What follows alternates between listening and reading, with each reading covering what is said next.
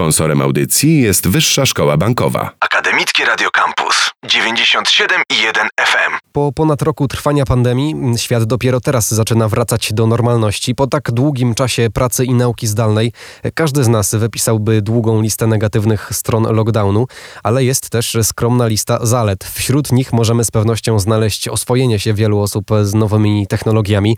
Koronawirus wymusił na nas wszystkich ekspresowe tempo przeniesienia naszego życia do internetu. Teraz, gdy musimy załatwić coś przez internet, to już nie robi na nas to dużego wrażenia. No oczywiście nie licząc spraw urzędowych, ale to już inna historia. Teraz w Radio Campus porozmawiamy o tym, czego nauczyła nas pandemia, w jaki sposób wpłynęła na rozwój naszych kompetencji technologicznych. Wspólnie z naszym gościem zastanowimy się, czy teraz każdy z nas może zostać informatykiem. Razem ze mną w studiu jest Damian Wrublewski z Wyższej Szkoły Bankowej w Warszawie, trener Microsoft i ekspert do spraw cyberbezpieczeństwa. Cześć. Cześć, cześć, witaj. Czy te nasze pandemiczne rozwiązania e, w zakresie nowych technologii e, pozostaną z nami na zawsze, nawet jak pandemia się skończy, a wierzymy, że się kiedyś skończy? Jak najbardziej tak. Przejdziemy model hybrydowy. Wiadomo, że teraz, gdy już pandemia trochę wygląda inaczej niż rok temu, pragniemy kontaktu z ludźmi, chcemy się spotykać i to będzie normalną rzeczą, że będziemy tych spotkań mieli coraz więcej, ale minie pół roku, no i w tym momencie dojdziemy do wniosku, że fajnie jest jednak mieć ten model hybrydowy, czyli jeżeli chcemy stać w łóżku danego dnia dłużej, to nie idziemy do pracy, tylko pracujemy zdalnie, elastycznych godzinach, żeby wykonać swoją pracę. A jeżeli chcemy się spotkać z ludźmi w biurze, no to idziemy w tym momencie do biura czyli wymarzony scenariusz, można powiedzieć.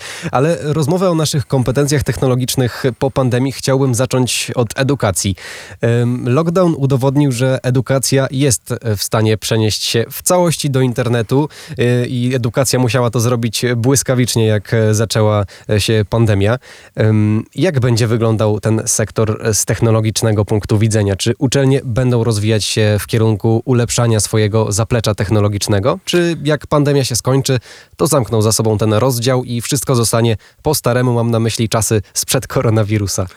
Myślę, że to będzie, to zależy od uczelni i podejścia uczelnia, danej uczelni. Moim zdaniem e, uczelnie powinny iść z duchem technologii. To pokazało również, jak mocno e, nasze społeczeństwo e, jest niegotowe w ogóle do technologii. Okazało się, że jeśli chodzi o tematy w ogóle cyberbezpieczeństwa, podstaw korzystania z technologii w sposób bezpieczny, u nas w ogóle kuleje, ponieważ nie było tego w ramach edukacji szkolnej, wczesnoszkolnej, nie mieliśmy tego. Więc nie byliśmy na to gotowi, popełniliśmy masę błędów, przez to na uczelniach właśnie studenci, którzy korzystali z popularnych technologii, jaką jest przykład przykładowo Microsoft 365, czyli Teamsy do komunikacji, logując się do swojego konta, mieli hasła typu pięcioznakowe, bardzo proste, a ich profil jest publicznie dostępny wszędzie, więc w tym momencie pierwsze co, to włamujemy się na konta studentów, bo łatwo się dostać. No i tutaj musimy wiedzieć o tym właśnie, że nie mamy tych podstaw i nikt nas tego nie nauczył. Czy Twoim zdaniem e, na uczelniach będzie pojawiało się więcej materiałów cyfrowych do nauki? Będzie się pojawiało więcej cyfrowych. Wiele uczelni zauważyło nawet, że model hybrydowy jest świetnym modelem, chociażby dlatego, że są ograniczenia na studiach, czyli pomieszczeń. I w tym momencie możemy robić w takiej formie, że część zajęć jest w formie hybrydowej, czyli mamy studentów, którzy są na auli, a reszta może nawet w ilości kilkuset studentów w tym momencie być online'owo i tutaj nic nie stoi w przeszkodzie. Technologia to umożliwia. Mamy sprzęt odpowiedni, który możemy skonfigurować i w tym momencie prowadzić zdalnie i na miejscu zajęcia. Tylko kwestia tego, czy uczelnia chce i być taka XXI wiek, czy też nie i chce zostać taką siemierzną, gdzie wielu wykładowców jednak mimo to, że minął ponad rok, niestety mimo nauki, mimo kursów czy szkoleń, nie zdecydują się na to, żeby przejść w pełni na wersję online'ową, ponieważ są tak zwanej starej daty, ale wielu też wykładowców, którzy jednak byli zmuszeni do tego, nauczyli się korzystać, korzystali z pomocy innych studentów, którzy im też pomagali w nauce, tak chociażby właśnie w Wyższej Szkole Bankowej w Warszawie, gdzie mieliśmy grupę ekspertów, gdzie studenci się zaangażowali i pomagali wykładowcom, żeby potrafili uczyć innych. Tak samo to, co jest bardzo ważne, metodyka nauki zdalnej jest zupełnie inna od tej stacjonarnej, standardowej, dlatego myślę, że tutaj, jeżeli ktoś potrafi ją wykorzystać w pełni i się nauczył jej, będzie świetnym wykładowcą, a studenci będą mogli na tym skorzystać. A czy Twoim zdaniem uczelnie e, w przyszłości będą oferowały na przykład kierunki tylko zdalne, tylko internetowe? Moim zdaniem, e, gdybym miał się otwierać uczelnię, to tylko zdalną. A czy studentom łatwiej teraz poruszać się w internetowej edukacji, w internetowych kursach? Czy Twoim zdaniem właśnie pandemia spowodowała, że oni będą potrafili bardziej wykorzystać ten potencjał internetu, bardziej, częściej szukać jakichś internetowych kursów, by rozwijać swoje umiejętności, nie tylko chodząc stacjonarnie na uczelnię, czy na przykład, nie wiem, do szkoły języków? To zależy, ponieważ ja zawsze y, mówię, że dzielę studentów na trzy grupy, bo sam byłem studentem. Pierwsza grupa są osoby, które niestety nic nie chcą robić i nawet jeżeli to jest edukacja zdalna, która jest prostsza, nie oszukujmy się, jest po prostu prostsza w pewien sposób, nic nie robią, nie wykorzystują tej wiedzy, nie korzystają z tego i później na rynek pracy idą z pustym CV i potem na zasadzie znajdźcie mi pracę. No ciężko, jeżeli nic nie robiliśmy. Druga grupa to są osoby, które, o których ściągaliśmy na studiach, czyli były mózgami, które są bardzo ambitne i teraz weszła technologia, chcą się wykazać, uczą się godzinami, no i dostają pracę oczywiście od pracodawców. E, no i trzecia grupa, której ja się uważam, że w niej byłem właśnie, to są studenci, którzy kombinują, bo sobie poradzą w życiu. E, I później ci właśnie z tej drugiej grupy pracują dla tych, którzy kombinują.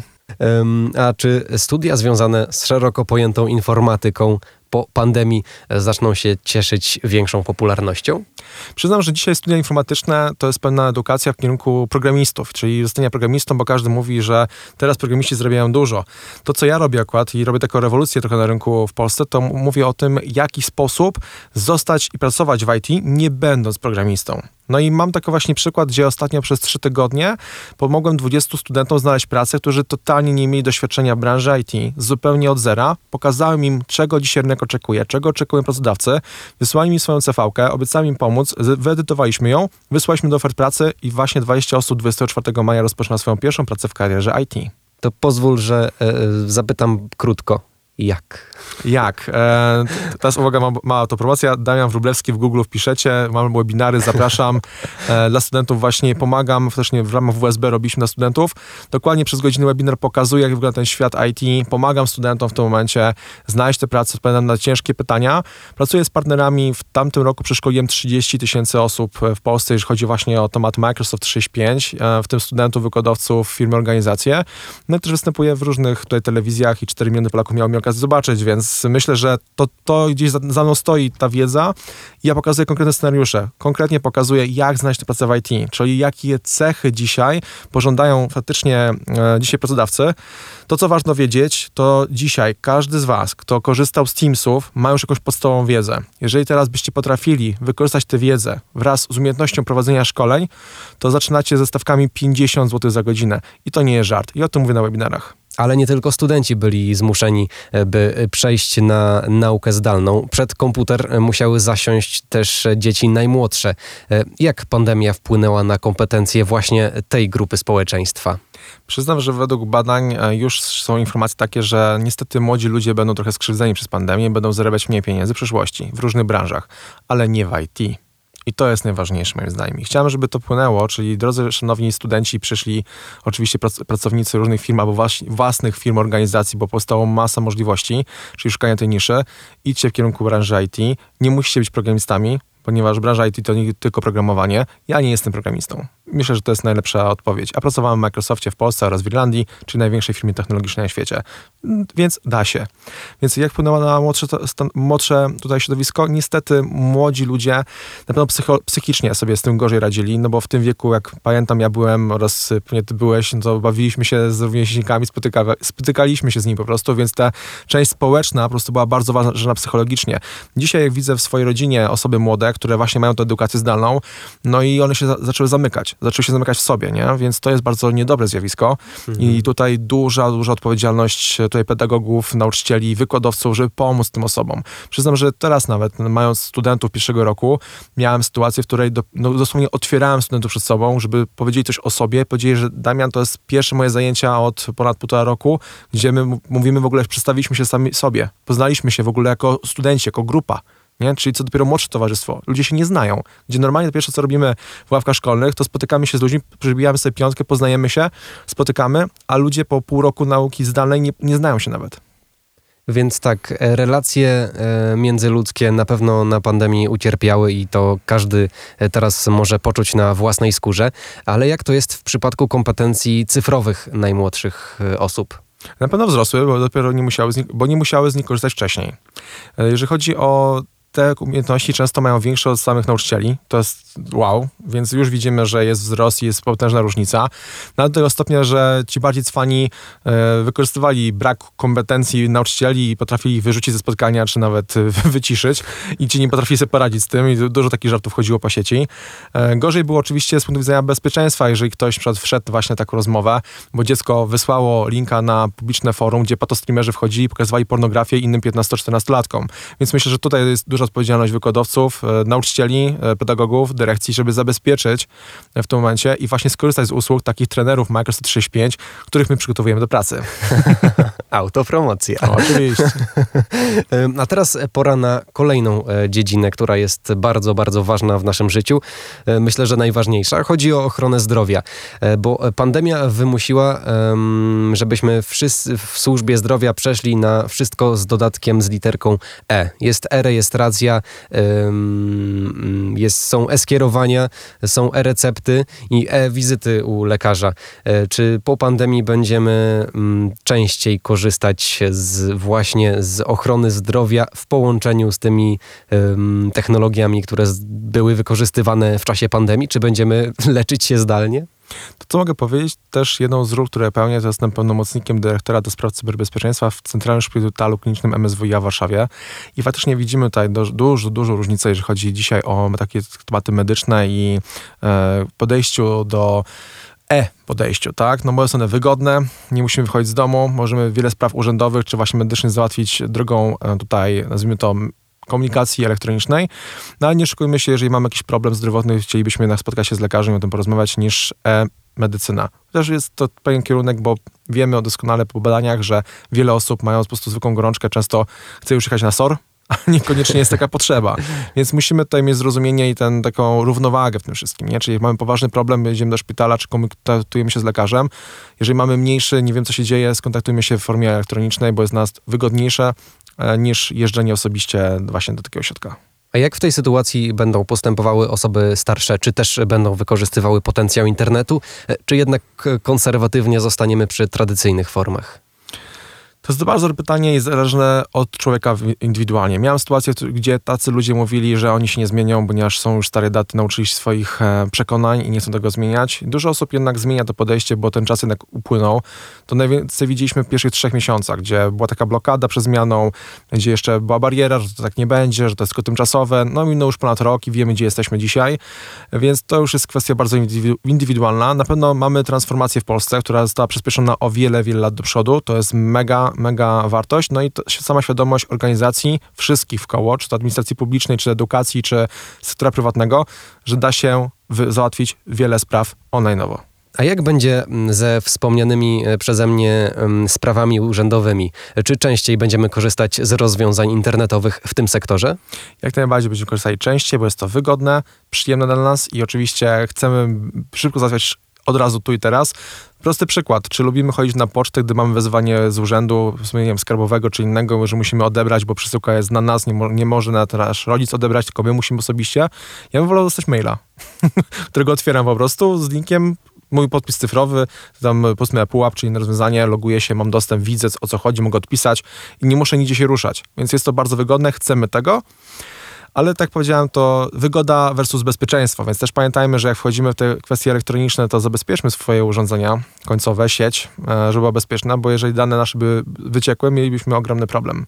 A jak duży problem, e, to polecam sprawdzić e, pierwszy odcinek cyklu z Wyższą Szkołą Bankową, który na pewno znajdziecie e, wchodząc na naszego radiowego Spotify'a, bo wtedy właśnie rozmawialiśmy o tym, co się może stać, gdy nasze dane wyciekną do sieci, mm, jeżeli już nie wyciekły, a jestem w 99% pewien, że wyciekły, więc polecam sprawdzić tę rozmowę. Jak każdy z nas wie, technologia ma to do siebie, że czasem lubi z nami nie współpracować. Czy po pandemii staniemy się bardziej zaradni? Będziemy radzić sobie z takimi technicznymi problemami?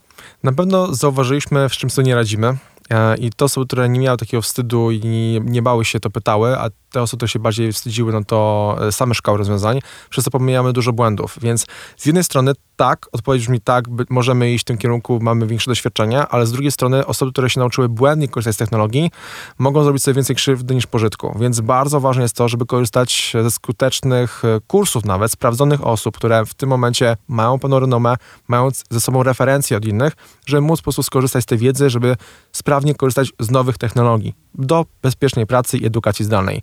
Bo inaczej możemy właśnie stać się ofiarą cyberprzestępcy, czy po prostu pracować niewydajnie w przyszłej pracy i w tym momencie nie mieć tego, co byśmy mogli mieć, czyli lepszych zarobków i fajnej, elastycznej yy, pracy. Nie? To teraz e, pora na to pytanie, które mm, wywołałem na samym początku tej rozmowy. E, pytanie, które jest po części tematem naszej dzisiejszej e, rozmowy. Więc teraz pora na rozstrzygnięcie pytania. Czy staniemy się, czy wszyscy będzie, czy każdy będzie mógł nazwać się informatykiem? To jest tak, e, informatycy powiedzą, że są skrzywdzeni, jeżeli byśmy tak powiedzieli teraz. E, z drugiej strony, jak powie się do informatyka, informatyku, to też się czuje skrzywdzony, bo jest albo specjalistą, albo ekspertem, albo inżynierem, architektem, to tak jak lekarzem. Powiedzieć do kardiologa, że jest le lekarzem, no to w tym momencie czuje się skrzywdzony. Więc pamiętajmy o tym, że jednak rynek IT i ludzie w IT to specyficzne społeczeństwo, które jednak lubi, jak się do nich zwracamy normalnie po ich roli i imieniu. Więc można powiedzieć bardziej, że każdy z nas dzisiaj na pewno przeszedł transformację cyfrową i jesteśmy bardziej skłonni do korzystania z technologii. Ona nie parzy, ona jest możliwa, więc jak najbardziej dzisiaj jesteśmy bardziej uświadomionym społeczeństwem, co jest na plus i dodatkowo osoby, które właśnie są bardziej uświadomione, nie mają pomysłu na siebie, często studenci według badań nie mają pomysłu na siebie, szukacie rozwiązań i uważacie, że nic nie potraficie? Błędnie dlatego że potraficie dzisiaj korzystać właśnie z tych Teamsów, z tego OneDrive'a czy z poczty. Dodatkowa tylko wiedza, jak szkolić i możecie stać się właśnie wspomnianym trenerem Microsoft 365. Dobra, to jeszcze właśnie teraz wrócę do tego, o czym mówiliśmy e, na samym początku naszej rozmowy. Jaki kierunek studiów skończyć, by właśnie iść w tę stronę? Ja bym zaczął od tego, że po pierwsze sprawdźmy, kto na tym kierunku studiów będzie waszymi, waszymi wykładowcami. Po prostu to, to jest dla mnie dzisiaj wyznacznikiem. Nie to, co uczelnia proponuje w spisie, tylko kto będzie. Dlatego przed Wyższa Szkoła Bankowa w Warszawie to jest świetny strzał, dlatego że bierze praktyków. Tak, powiedzmy, ja prowadzę swoje zajęcia dla studentów, no to mówimy o praktycznej wiedzy, nie o teorii, tylko mówimy wprost, jak dostać pracę. Przykładowo teraz taką grupę psychologii akurat biznesu, gdzie pokazuje wprost, w jaki sposób mogą znaleźć pracę, czyli temat CV, autoprezentacji, profil na LinkedInie, oczywiście bezpieczny profil na LinkedInie, bo też pamiętajcie, że tam można się włamać. E, to inna bajka, tak jak wspomniałeś słusznie, pierwszy odcinek, e, więc tam rekomendujemy e, zajrzeć. I to, co jest istotne, mówimy o praktyce, czyli, czyli uczymy studentów, przygotowujemy do życia, a nie szukamy w tym momencie wykładów, gdzie mamy profesorów, którzy mają świetną wiedzę, wielką wiedzę, ale często ogólną wiedzę, która już nie jest aktualna, więc bardzo mocno zwracajmy uwagę na praktyków. Bardzo dziękuję za tę rozmowę. Naszym gościem był Damian Wróblewski z Wyższej Szkoły Bankowej w Warszawie, trener Microsoft i eksperty do spraw cyberbezpieczeństwa. Bardzo dziękuję. Dziękuję również. Sponsorem audycji jest Wyższa Szkoła Bankowa. Radio Campus. Same sztosy.